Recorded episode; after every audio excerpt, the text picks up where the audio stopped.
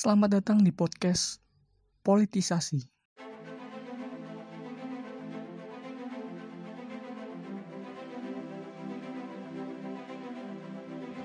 Saya berbicara di sini sebagai presiden, pemimpin besar revolusi Indonesia. Kenapa kamu tanya begitu? Oleh karena itu, pusat perhatian Kabinet Reformasi Pembangunan Gus Dur dilindungi para kiai. Nah, selesai sudah. Insya Allah kabinet yang akan saya pimpin Bangsa dan negara kita akan terus berkembang. lima tahun ke depan, mohon maaf, saya udah nggak ada beban. Eh, di tengah kegabutan akan diadakannya kuliah online ini, sedang berlangsungnya kuliah online. Nah, seba- selaku mahasiswa ilmu politik mau iseng-iseng nih eh, bikin eh, apa ya obrolan ceria lah tentang eh, salah satu film yang kita sukain banget atau mungkin sebagian atau mungkin seluruh sebagian atau mayoritas mahasiswa ilmu politik nih menggandrungi film ini. Eh, filmnya atau serialnya mungkin bisa lebih tepat dibilang eh, yaitu serial Game of Thrones keluaran HBO. Nah, kita akan ngomongin film ini sama salah satu bintang tamu yang sudah mendunia nih, sudah terkenal sekali akan eh, kom- kompetensi Karena kan saya nanti dibully oleh orang-orang asumsi, orang-orang nostalgia kalau panjenengan bilang begitu ya. tidak apa-apa. Ini kan konten-konten saya bebas dong. Oh ya udah. Padahal aku kan jauh ya, jauh di bawah mereka ya. sudah sudah terkenal akan kemampuannya eh, terhadap analisis film atau kritik Tidak, terhadap Eh, tidak. Seperti tidak. itu. Maksud itu kita Maksud- kita kita bersama Najmul Ula. Ya, Kan halo apa kabar Mas? Film nanti kalau panjenengan nyebut-nyebut seperti itu ya. Tidak masalah. Ini kan sesuai kompetensi. Saya kan tidak melebih-lebihkan. Oh. Tidak, tidak. Saya dibully picture play ya. Watchmen nanti aduh bahaya nanti. Ya, jadi bagaimana Mas Ula kabarnya? Lama tidak berjumpa ya saat pandemi seperti ini ya. Ya, from home hampir sebulan. Oh, sebulan lebih ya. Pandeminya Sudah. udah sebulan lebih ya. Aku Iya. masuk kerja itu pertama Presiden Jokowi mengumumkan kasus positif pertama di Indonesia. Terus dua minggu kemudian WFH sampai sekarang di Pekalongan. Di Pekalongan ya. Ya, Jadi ya sedikit terbatas nih kegiatan kita. Nah, Iya. podcast kali ini pun kita bikin secara online ya, rekaman online. Jadi mohon dimaklum nanti kalau mi- misal ada suara-suara yang putus-putus atau kurang jelas atau lain sebagainya, ya kayak ginilah adanya gitu. Oh, siap, siap.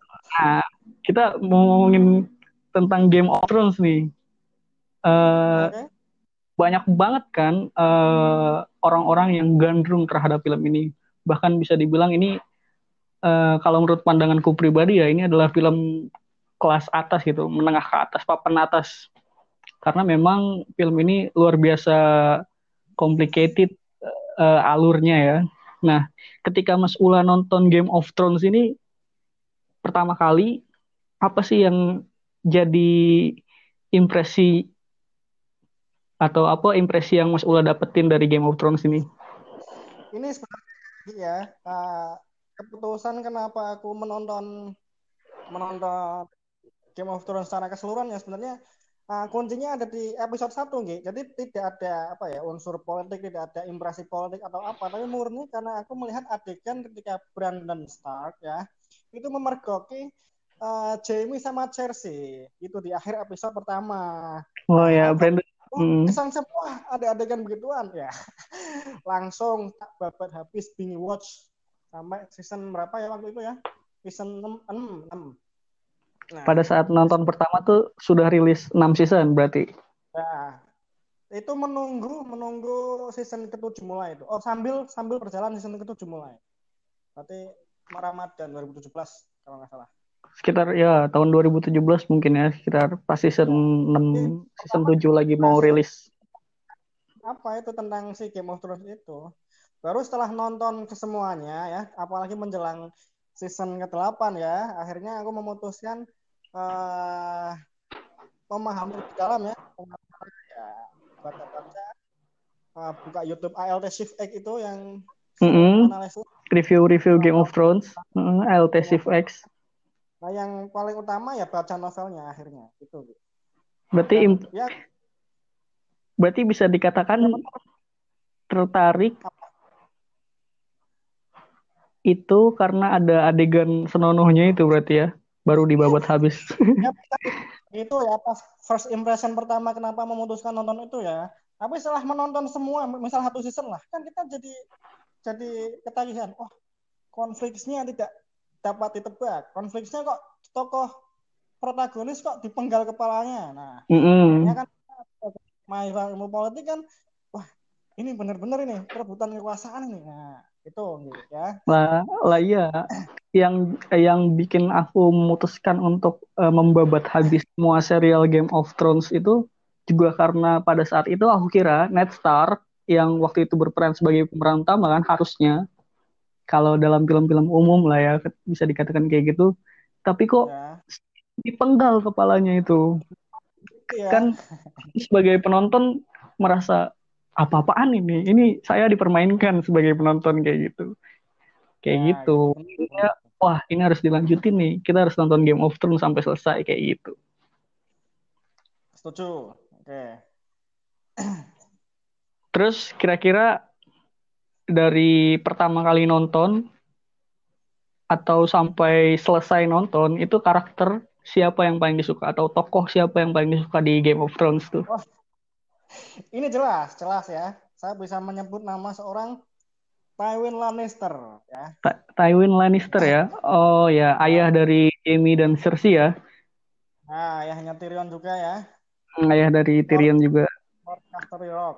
Petinggi-petinggi Lannister ya. Kenapa Anda menyukai eh, seorang Lannister yang bahkan di dalam film itu malah di framing eh, cukup antagonis ya? Karena Oh. dianggap cukup licik dan banyak taktik dan lain sebagainya. Ya, Mas Anggian ya.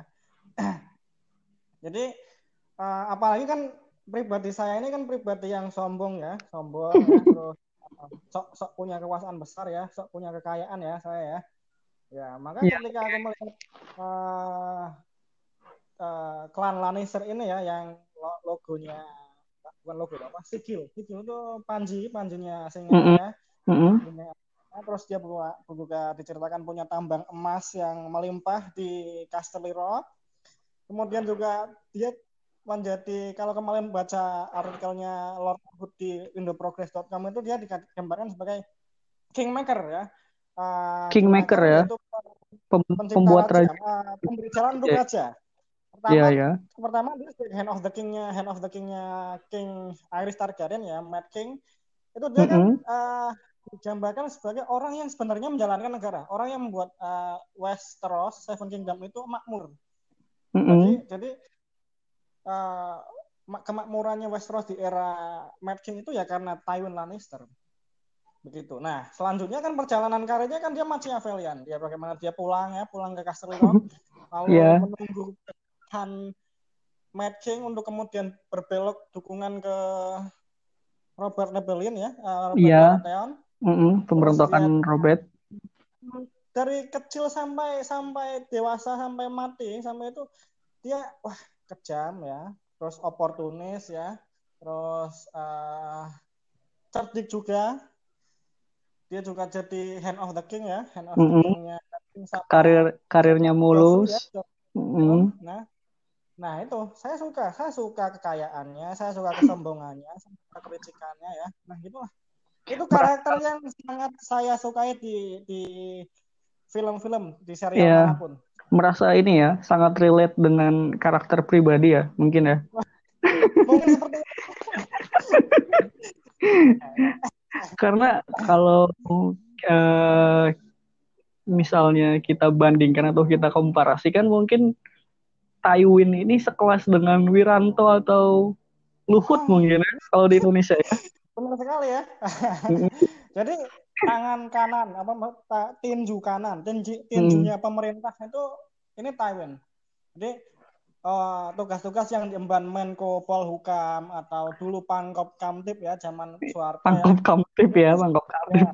Kan di, di kalau di kalau di Westeros ya dipegang oleh Hand of the King. Nah, Hand of the Iya. King di di dalam cerita cerita eh, A Song of Ice and Fire itu ya paling ideal dilaksanakan oleh si Tywin Lannister ini punya kekejaman yang mencukupi ya, kecerdikan yang mencukupi ya. Kemudian kekayaan Iya. juga modal, modal sosialnya itu tinggi. Nah, gitu. Itu Ya, Tywin jadi- itu hand of the tersukses lah. Iya, raja tuh hanya sebagai simbol, tapi pemimpin sesungguhnya itu justru mungkin Tywin ya. Sama lah, mirip-mirip lah ya sama keadaan di ya. Mirip lah ya. Pemimpin-pemimpin hanya sebagai simbol, tapi banyak yang bermain di belakang. Ada aktor utama yang punya kepentingan di belakangnya kayak gitu. Kurang lebih seperti itu. Kalau Itu Mas suka favorit siapa Mas Anggi? Kalau Anda menyukai Tywin Lannister, mungkin saya eh, bisa dikatakan tidak terlalu punya karakter favorit di Game of Thrones. Tapi kalau karena saya saya merasa di Game of Thrones itu semua pemain, semua tokoh secara mayoritas ya punya punya peran yang sama-sama penting gitu loh. Jadi tidak ada ketim ya. Iya, tidak ada tim, tidak ada ketimpangan antara mana yang lebih superior atau mana yang lebih mayoritas scene-nya gitu loh. Bisa dikatakan kayak gitu. Ya. Tapi kalau dipaksa memilih, mungkin Ya. saya memilih eh siapa? Anak dari klan Tali yang gendut, Tali, Tali apa Tarli? Tarly. Saya lupa Tarli ya, Samuel ya. Sam- Samuel, Samuel, Samuel Tarly. Samuel, Samuel Tarli. Ya, Nah, saya memilih dia sama Apa, ya? Gendut ya, tidak berharga di medan perang ya. ya gendut, tidak berharga di medan perang, mendapatkan tekanan, pressure dari mana-mana, dari keluarganya, dari lingkungan, bahkan dari orang yang sama sekali belum kenal dia. Kemudian dibuang, betul. dibuang ke Night's Watch, ditempa, ketemu Jon Snow, akhirnya dia punya punya cita-cita, Tempat di sana. Bukan tempat di sana. nggak punya cita-cita, punya tujuan dan dia bisa untuk apa ya? Untuk ngerealisasiin tujuan dia itu. Nah, itu yang bikin saya merasa Samuel Tarly adalah adalah representasi orang-orang terpinggirkan gitu loh. Mantap, Pak. boleh, boleh. Karena Jangan-jangan itu karena juga si Samuel Tarly-nya ini menyukai dunia akademik ini, seperti panjenengan ini. Oh. Gimana? tidak juga maksud maksudnya adalah eh, Samuel Tarly muncul sebagai orang yang bukan siapa-siapa meskipun secara keturunan dia adalah seorang anak dari kepala klan Tarly tapi dia muncul sebagai seorang yang disingkirkan dia bisa mengupayakan semuanya atas dasar usahanya dia sendiri gitu itu kan bisa dijadikan ini ya panutan sekali itu untuk untuk menjalani Siap. Samuel Tarly itu Boleh ya? Unexpected favorit ya? Iya, meskipun eh, banyak banyak pro kontra ketika dia membawa pulang seorang wanita. Apa sebutan wanita untuk di luar tembok? Wildlings. Wildling. Ya, ketika dia membawa seorang wildlings ke tengah kota. Ya. Gili itu kan ah, bukan suku yang apa bukan wanita yang liar ya di sana ya. Itu kan dia istrinya Craster itu. Iya, istrinya ya. Tapi kan orang-orang di dalam tembok, orang-orang di kota tetap menganggap bahwa. Samuel Tarly membawa seorang wildling dan itu adalah sebuah keberanian Ya, untuk ya. udah membuktikan bahwa kalau Samuel tuh punya keinginan dia harus menjalankan itu dan sampai sukses gitu loh. Itu yang membuat saya kagum terhadap Samuel Tarly. Meskipun framingnya dia adalah seorang yang lemah sekali ya, tidak berguna, tidak bisa perang dan lain sebagainya seperti itu. Betul, betul, betul, betul. ya, dia punya apa ya? Inferiority lah, inferiority Ya. complex ya. Inferiority Masalah posturnya itu. posturnya ya. Tapi kan Dan setidaknya dia kan mm-mm, bukan figur eh, figur yang kalau di dalam dunia patriarki Westeros kan Samuel Tarly ini kan bukan laki-laki. Tidak bisa berpedang ya. Mm-mm, Eh, betul. kayak di dapur Mm-mm. terus ya lemah lah pokoknya itu kan eh, bukan gambaran laki-laki ideal versi Seven Kingdom lah Iya, tapi aku sangat salut sama perspektif penulis dia membari- membagikan apa ya? Si penulis ini seperti seolah-olah membagikan perannya itu maha adil gitu loh terhadap setiap tokohnya. George. Martin lah itu karakternya luas sekali kaya sekali Iya, luar biasa sih, luar biasa. Terus selain karakter, apa cerita yang paling berkesan ketika Mas Ula nonton Game of Thrones yang sampai sekarang tuh masih jadi keingetan terus dan wah ini paling paling bangsat sih ibaratnya kayak gitu gitu. apa ya? Coba coba. Kalau apa? Aku belum ada gambaran gitu nah Anggian apa? Coba. Oh, kalau saya tentu ini peristiwa Red Wedding. Itu yang membuat saya ya ketika Robb Stark ya. Robb Stark ingin mela- apa ya membuka jalan, kemudian melamar siapa anaknya Walder Frey ya. ya Walter Frey Iya. Kemudian sumpah di luar dugaan banget dan benar-benar tidak diekspektasikan banget ternyata semua klan Stark pada saat itu yang tergabung dalam pasukan Robb Stark tuh dibunuh semua. Ini Kan kalau kalau kalau kamu tahu ya Gi, ya, itu eh, sutradara Red Wedding itu Tywin Lannister. Ya, eh, dalangnya, dalang dalang peristiwa Red Wedding. Ya itu jadi dia berkirim surat sama Walter Frey ya. Kalau kalau Mm-mm. kalau si Walter Frey mau berpihak ke Tywin, yang rajanya masih Joffrey ya. Ya, masih King Joffrey.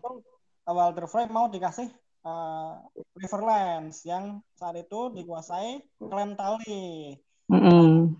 si Roose Bolton yang beriringan dari utara dari North bersama Stark itu mau dikasih Winterfell. Ya, betul. Si Starknya dibantai, Mm-mm. Bolton dapat utara, Betul, betul. Winterfell dapat eh, Riverlands. Gitu. Tapi ya ngeri ngeri itu. Itu yang membuat saya, aduh, ternyata eh, di dunia ini kita nggak bisa dengan mudah untuk percaya orang gitu nggak sih? Politisi sekali. Iya, kayak kayak apa yang benar-benar kita alamin di real life gitu loh. Kita jangan mudah untuk percaya sama orang biar kita nggak nggak mudah di dibasmi sama orang gitu, biar nggak mudah diinjak sama orang. Real politik. ya. Apa ya Kalau? Anda bagaimana? Terlalu banyak ya. terlalu banyak yang ada di kelas. Yang mana ya? Aduh. Bentar, mikir dulu mikir. Pasti berhubungan dengan Tywin sih. Ah, Apa peristiwa Robert Rebellion? Eh? Oh ya mungkin mungkin itu mungkin itu Mm-mm. Eh, kecerdikan orang bukan kecerdikan ya apa ya oportunisnya Taiwan itu jadi eh, waktu Robert Rebellion ya yang dari utara dari Mm-mm. North ber- berarah ke King's Landing eh, itu eh, kubunya Lannister ya yang dari barat ya nanti barat kan eh, dia menunggu diam diam dia tidak Mm-mm, melakukan apa Tidak tidak melakukan aktivitas apa pun. ketika Stark, Arryn dan eh, Baratheon itu memberontak, si Lannister ini diam, Ah, wait and see, menunggu. Siapa ini yang Mm-mm. yang mau menang? Ah, Terus ketika ketika ya jelas ya, ketika Pangeran Rhaegar terbunuh di Trident, terus eh, Robert merangsek ke King's Landing, Ned Stark juga. Akhirnya itu si Tywin, si Tywin itu lebih dulu datang ke King's Landing Mm-mm. Mm. karena si Mad King-nya kawan lama, kawan lama si sama si Tywin ya kan diperbolehkan masuk. diperbolehkan masuk.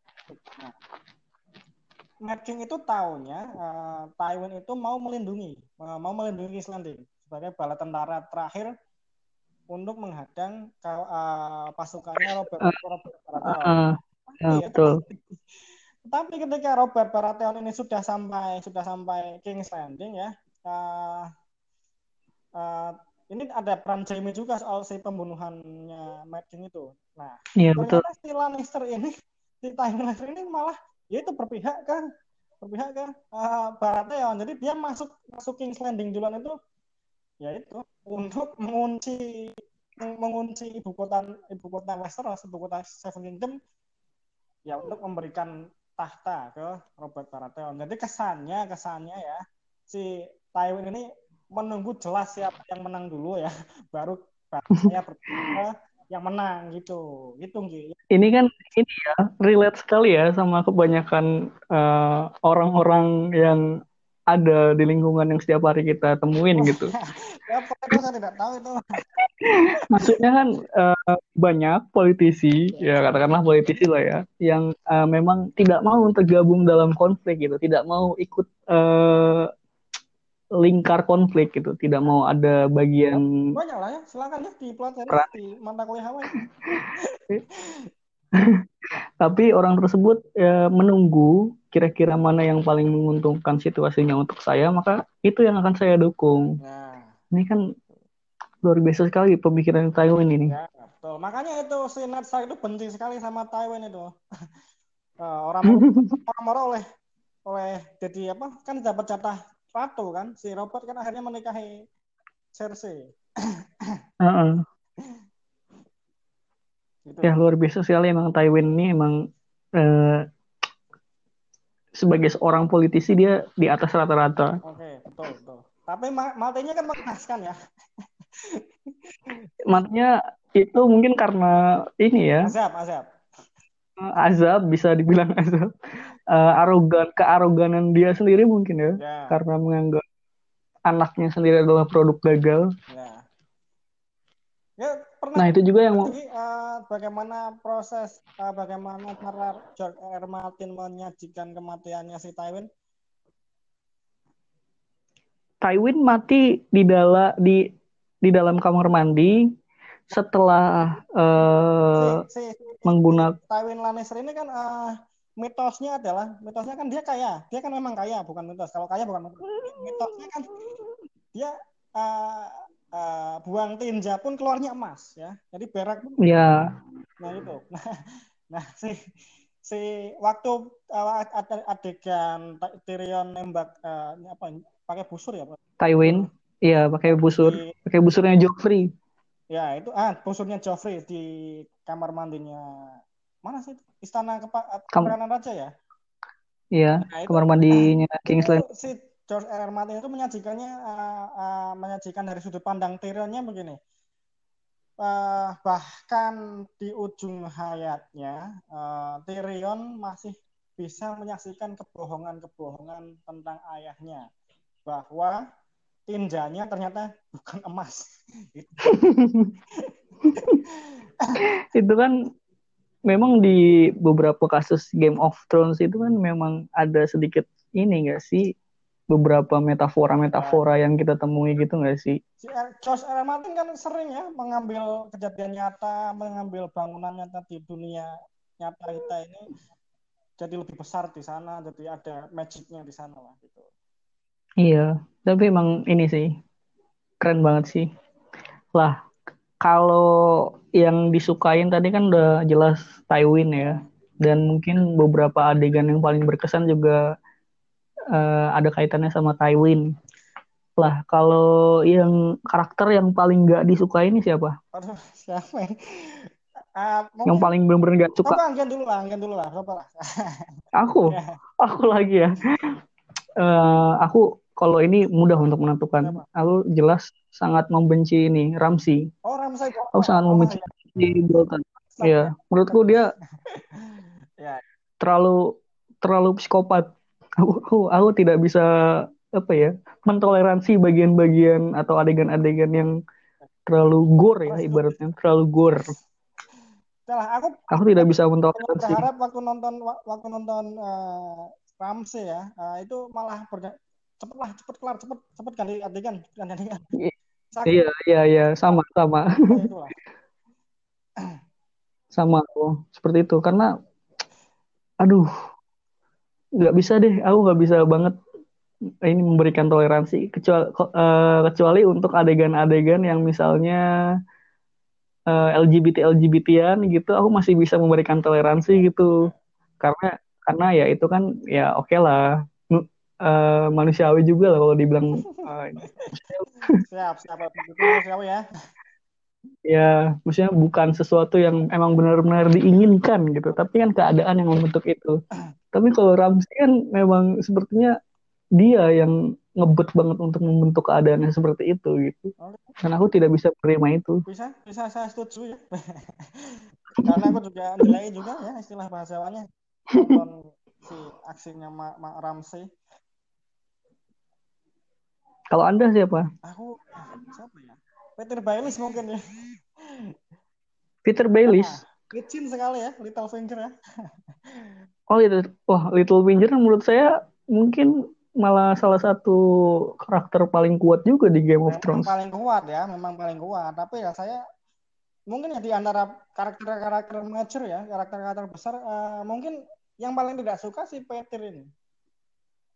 Karena Peter terlalu ini ya terlalu banyak muka banget ya Ya gimana ya, aku wah gimana? di satu di satu sisi kelicikannya ini saya suka juga ya, tapi aduh ini mengacaukan mengacaukan eh, eh, skenario-skenario terbaik yang saya susun lah selama menonton atau membaca itulah.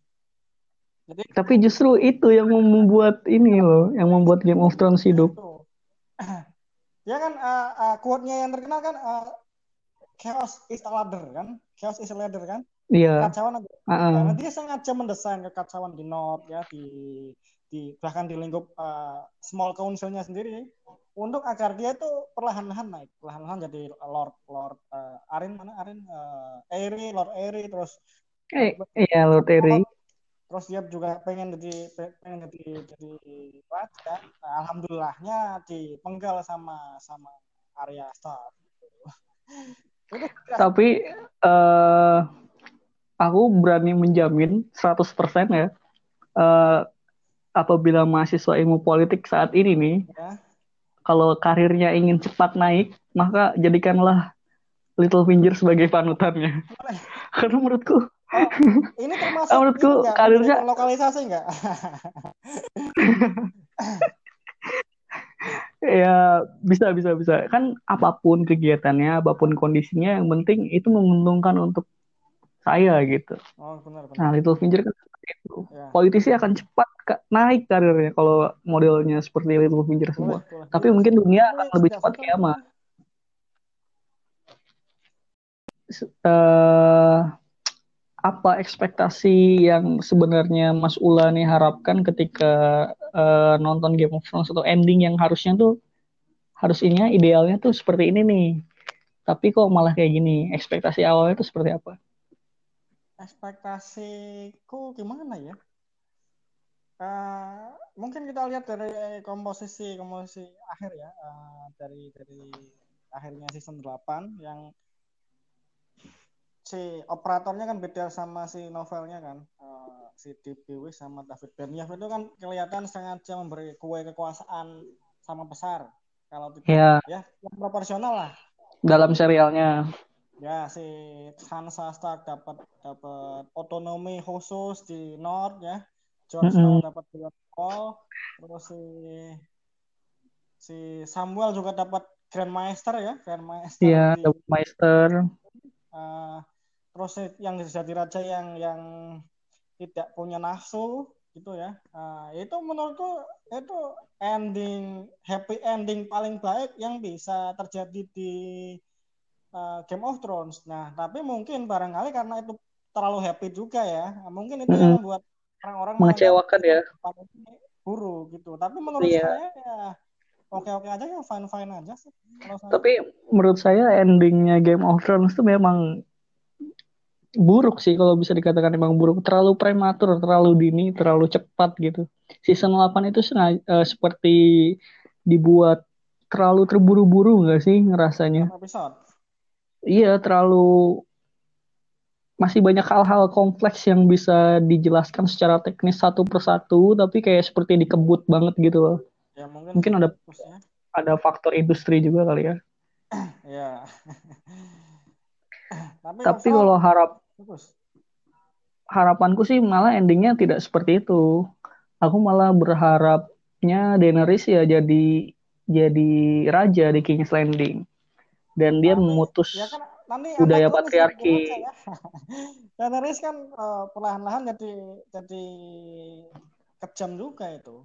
Eh, tapi kalau misalnya kita sebagai manusia normal Hmm. pun yang yang yang ada di posisi Daenerys, saya kira wajar Daenerys ber, bertingkah seperti itu sih. Saya saya memaklumi eh, Daenerys pada akhirnya meledak, kemudian membakar semua King's Landing itu saya memahami perasaannya beliau. Ya, ya mungkin kalau di negara-negara eh, eh, kerajaan ya, mungkin semuanya. Tapi kan saya hidup di negara demokrasi ya. Jadi wah mungkin tidak tidak cocok lah bagi saya pemimpin yang absolut seperti itu ya. Ya, sebenarnya Padahal setuju sama si si usulnya Samuel Tarly waktu rapat kecil itu kan dia ngomong ini kan kita mau mencari raja untuk semua orang ya. Nah kenapa kita nggak nyuruh semua orang milih? Nah itu kan. Karena dia oh mendahului itu pikirannya Samuel Tarly itu. Belum ada eh, demokrasi demokrasi ya, demokrasi ya. kecuali Samuel Tarly itu. Tapi se- setelah Bran jadi raja, itu novelnya udah udah, misalnya di novel tuh udah melebihi itu belum sih ceritanya? Belum. Novelnya, wah itu kan novel belum rilis, tinggal apa kurang dua buku lagi ya. Belum. Aku lupa itu, sampai novel berapa, tapi jelas itu eh, jelas ini eh, finishnya Game of Thrones mendahului A Song of Ice and Fire. Jadi belum belum ada yang tahu sih finishnya bukunya itu endingnya kayak apa belum tahu. Aku malah malah eh, bertanya-tanya ketika nanti Bran sudah katakanlah sudah eh, mati ya, mati atau habis lah dianggap eh, sudah tidak menjadi raja lagi. Kemudian penentuan raja berikutnya itu seperti apa? Apakah beralih, bertransisi menjadi sistem demokrasi itu atau seperti apa? Kita tanya-tanya akhirnya. Ya itu tak beyond beyond eh, eh, di jauh di luar pikiran saya lah ya. Tapi secara umum demo apa eh, alur di Game of Thrones ini kayak menggambarkan ini enggak sih transisi masa pemerintahan dari yang tadinya eh, kurang baik menjadi menuju sedikit-sedikit menjadi sempurna gitu nggak sih? Kayak transisi menuju demokrasi nggak sih? Kalau dipikir-pikir. akhir akhirnya lebih bagus daripada awalnya loh dari sistem sistem pemerintahan loh. Dari sisi sistem pemerintahan aku tidak melihat tidak melihat ada apa ya berubah jadi lebih baik itu tidak melihat. Tapi mungkin Iya. mungkin. Tapi secara secara kebebasan berpendapat mungkin ya. tidak ada. Memang memang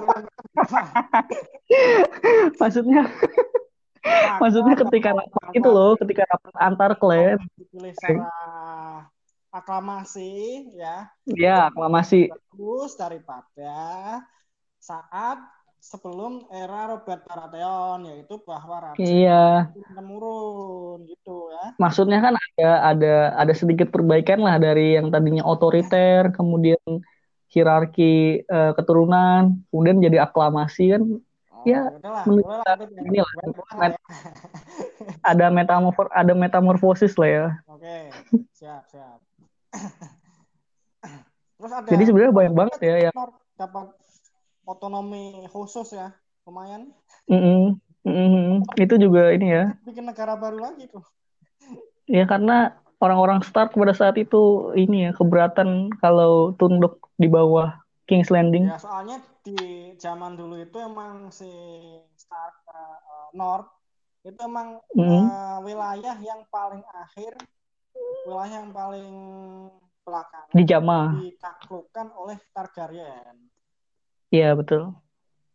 Jadi merasa Stark merasa dia mengusa- mengupayakan semuanya sendiri gitu. Nah, jadi dulu dulu Kenapa saya harus bergabung? kok kok ini kok tiba-tiba kingnya cuma lord ya kingnya kok sekarang tunduk eh, eh, berlutut ke King's Landing nah akhirnya ketika ada reformasi ya ada Reformasi. oleh Ya. Sansa ya sudah oke si setujui yang Sansa jadi king lagi gitu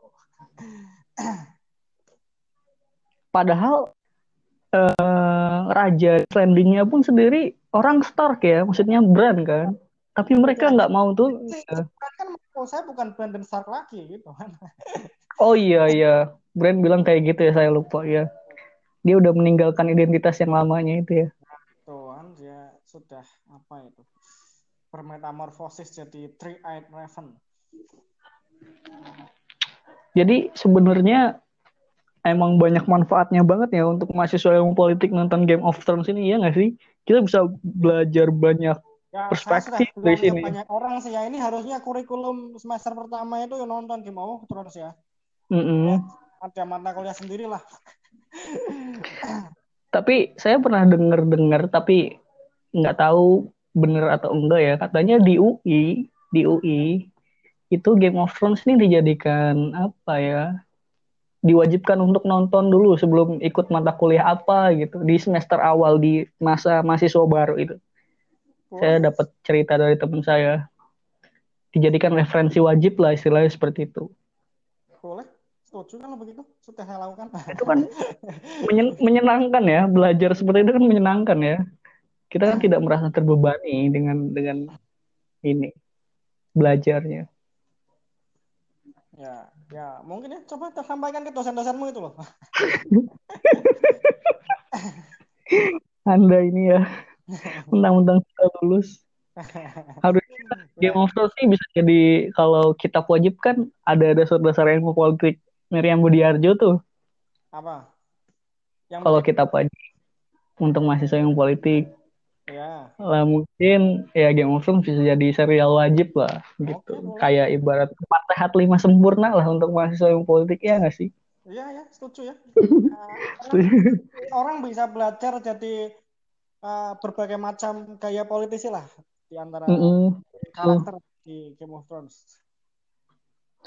Dan interpret interpretasi terhadap setiap adegan atau setiap momen setiap scene-nya pun bisa bisa bermacam-macam akhirnya bisa jadi diskusi bisa didiskusikan antar sesama mahasiswa ilmu politik juga kan Boleh, boleh. Studi banding lah, studi banding apa yang terjadi di di negara kita ini ya. Uh, terus apakah sama dengan uh, tindak tanduknya penguasa di Westeros gitu ya. Terus benar walaupun kita tapi kita barbar seperti di Westeros seperti itu kan. seperti itu.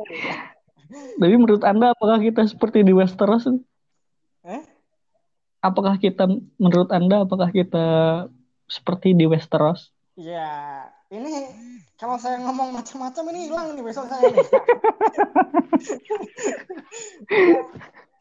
dibunuh bisa bisa bisa menyebutkan ya tidak perlu ada hilang hilang dibunuh Kingsguard boleh hilang dibunuh intannya Lord Varys Mm-mm. nah ya itu silakan lah Nah, simpulkan sendiri ya Jadi silahkan berikan argumen Anda selebar-lebarnya. Kenapa mahasiswa ilmu politik wajib fardu ain harus kudu nonton Game of Thrones? apa ya Ah, kita ah, kita kita apa kalian ini? Kita ini kan mahasiswa. Kita kita semua. kan ya ingin eh, mempelajari politik ya. Dan ketika kita ingin mempelajari politik ya kita harus paham aktor-aktor politik itu bertindak itu berdasarkan apa istilahnya ra- rational choice ya atau apalah ada motif di balik setiap setiap eh, aksi yang dilakukan oleh Heeh. ya. Nah, uh, motivasi motif-motif ini yang saya kira ya, saya kira uh, bisa kita pelajari, bisa kita serap dari berbagai macam kejadian, berbagai macam uh, perputaran konflik yang ada di Game of Thrones. Barangkali kalau panjenengan peka, kalau kita peka, itu banyak yang relevan dengan eh, kejadian nyata di yang bisa kita saksikan di dunia ini. Seperti itu sih jadi mungkin ada relevansi yang sangat nyata dengan yang terjadi di, di Game of Thrones dengan eh, yang kita rasakan sekarang ini mungkin seperti itu. Setuju sih, ter- setuju banget. Terkhusus masalah kepentingan ya. Bagaimana melancarkan kepentingan biar goals atau biar sukses dan memberikan untung atau memberikan benefit untuk kita Game of Thrones ini emang jadi referensi wajib untuk mahasiswa ilmu politik. Siap. Oke. Nah, panjenengan bagaimana nih? Apa? Apa yang bagaimana? Serukan, serukan kepada adik-adik kelas ya, adik-adik tingkat supaya nonton mahasiswa eh, supaya nonton Game of Thrones, supaya apa yang mau panjenengan sampaikan? Eh, mungkin uh, di dalam Game of Thrones kita akan tahu bagaimana karakter tokoh atau seseorang individu ataupun kelompok lah ya bisa dikatakan seperti itu mensukseskan kepentingan kepentingannya mendapatkan benefit untuk untuk uh, kepentingannya itu sendiri. Nah kita bisa belajar dari situ. Dah itu aja.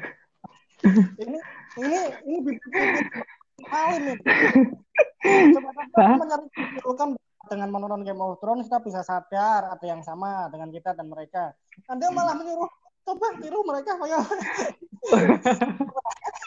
lo lo kan interpretasi kan bebas dong bagi apa pun bentuknya. Interpretasi kan bebas. Nah, saya eh, cuma tidak tidak mau jadi aktor, uh, tidak mau menjadi individu yang dianggap terlalu naif saja seperti itu. Jadi memberikan pandangan kritikal. Nah, lanjutkan. Apa lagi? Ya itu sih ya. Mungkin uh, closing ya, closing statement. Closing statement. Aku mm closing statement. Bahas, uh, uh, Game of Thrones lagi. Tapi begini, kalau memang mau nonton serial yang cocok untuk referensi mahasiswa ilmu politik ya, uh, bisa bisa cari lain. Yang lain banyak film banyak. Uh, film tentang mm -hmm. uh, politik kan banyak. Darkest Hour bisa ya. Apalagi sih ya. Banyak lah. Tapi kalau mau serial yang lain ya bisa. Ada yang uh, namanya House of Cards.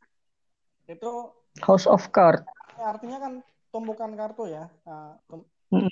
istana kartu pakai kartu remi yang disusun itu sih. Nah nah itu mm -hmm. itu uh, penamaannya dari situ bahwa kekuasaan yang di yang kita pegang itu pada dasarnya ya disusun serap serapuh serapuh istana kertas itu. Karena ya ya ya memang gitu kan kepenting eh, kekuasaan itu kan tentang kepercayaan ke orang-orang. Orang-orang akan pindah ketika kita tidak lagi memberi, memberi mereka sesuatu kan. Nah itu. Itu ceritanya tentang politisi Amerika Serikat yang senator Amerika Serikat yang pengen jadi uh, presiden Amerika Serikat. Cara-caranya bisa, cara-caranya dia pakai bunuh orang, konspirasi, berbohong dan sebagainya, bermuka dua dan sebagainya, sampai meng, meng, okay. uh, menipu presidennya yang dia abdi juga. Oke oke oke. Dia pengen jadi politisi ya, itu tonton. Nanti mungkin kita akan bikin uh, konten baru ya, segmen baru khusus untuk House of Cards. Okay, ya, Ya, oke. Okay. Terima kasih banyak Mas Ula atas sharingnya ya, pendapatnya tentang Game of Thrones dan mungkin analisis-analisisnya, pengetahuannya, dan interpretasi interpretasinya tentang scene-scene atau beberapa kejadian yang ada di Game of Thrones. Semoga kalian bisa menikmati. Itu aja. Salam. Salam jumpa. Salam super. Udah ya. Udah. Oke, okay, siap. Yo, close.